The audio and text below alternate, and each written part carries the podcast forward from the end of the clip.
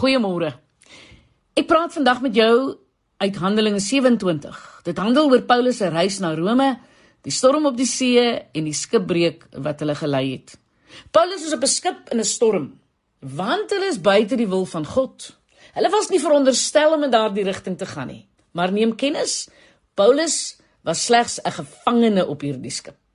Nou verse 17 tot 20 lees: Nadat die matrose die bootjie opgehaal het, het hulle as noodmaatreël 'n paar toue styf onder die skip vasgemaak.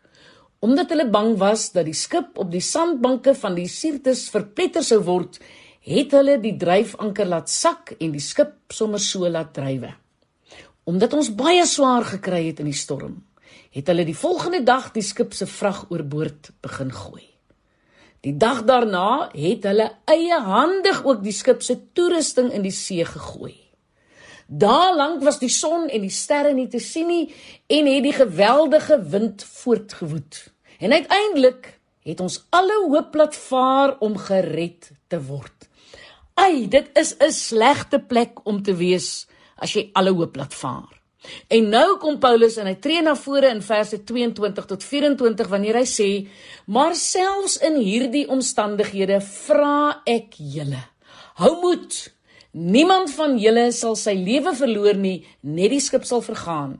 Verlede nag het daar 'n engel aan my verskyn van die God aan wie ek behoort en wat ek dien. Die engel het vir my gesê: Moenie bang wees nie, Paulus." Jy moet nog voor die keiser verskyn. Is dit nie wonderlik nie? Die Here bevestig met Paulus. Paulus, jong, jou roeping is groter as jou storm. Nou wat doen 'n mens wanneer jy jouself in 'n stormagtige lewensstorm bevind? Wat doen jy? Nou Paulus beveel hulle om 3 dinge te doen ten tye van die storm. Eerstens sê hy, hulle moet die skip omgord. In Engels beteken dit they girdled the ship. In die Bybelse tyd het hulle 'n man met 'n tou gestuur en onder die boot laat deurswem en dan die tou bo vasgemaak en weer so gedoen totdat die bodem van die boot sterk omgord was sodat dit teen die storm bestand kon wees. Nou die toepassing is wanneer jy deur die storms van die lewe gaan, moet jy ook omgord wees. Jy moet jou denke met die woord van God omgord. 'n Mens wil jou denke met die dinge wat jy sien en hoor. En indien jy nie versigtig is nie, sal jou skip waarskynlik sink. Jy moet beloftes soek in die woord oor God se liefde, oor God se beskerming, oor sy getrouheid en jy moet jou hart vol maak daarmee. Verklaar dit dan in geloof oor jouself en oor jou familie. Verse soos Psalm 23 vers 4. Selfs al gaan ek deur donker dieptes, sal ek nie bang wees nie want U is by my. In U hande is ek veilig.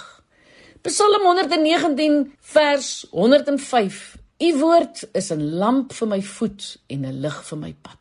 Jy sien as jy nie jou gedagtes vul met hoop nie, sal bekommernis en teleurstellings en depressie en moedeloosheid oorneem. Moenie op jou gevoelens lewe nie. My emosies is nie reg nie. My omstandighede is nie reg nie, maar die woord van God is die waarheid en dit bring altyd hoop. Die tweede ding wat hulle moes doen, Handelinge 27 vers 25. Daarom hou moed manne, sê Paulus. Ek vertrou op God dat alles net so sal gebeur soos hy vir my gesê het.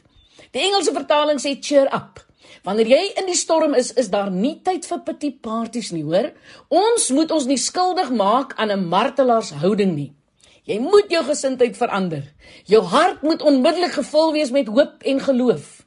Hoop beteken nie dat dinge noodwendig gaan uitwerk soos jy dit wil hê nie. Nee. Hoop beteken dat daar iets goed sal uitkom uit hierdie chaos. Hoop en geloof maak gesond. En derdens sê hy, omdat ons baie swaar gekry het in die storm, het hulle die volgende dag die skip se vrag oorboord begin gooi. Hulle het verskillende hawens aangedoen, hulle het goed gekoop, hulle skip was swaar gelaai. Hulle het die vrag ligter gemaak deur met hulle eie hande ontslae te raak van die onnodige vrag. So is dit ook in ons lewens. Ons maak soveel hartseer bymekaar voordat ons onsself kom kry, is ons lewensbootjies oorlaai met onnodige goed. Begin afgooi die bagasie van die verlede, laat dit gaan. Bitterheid, onvergewensgesindheid, klarigheid, moedeloosheid en vrees. Gooi af totdat jy Jesus duidelik kan sien. Ek is Lenet Beer vir Radio Kansel.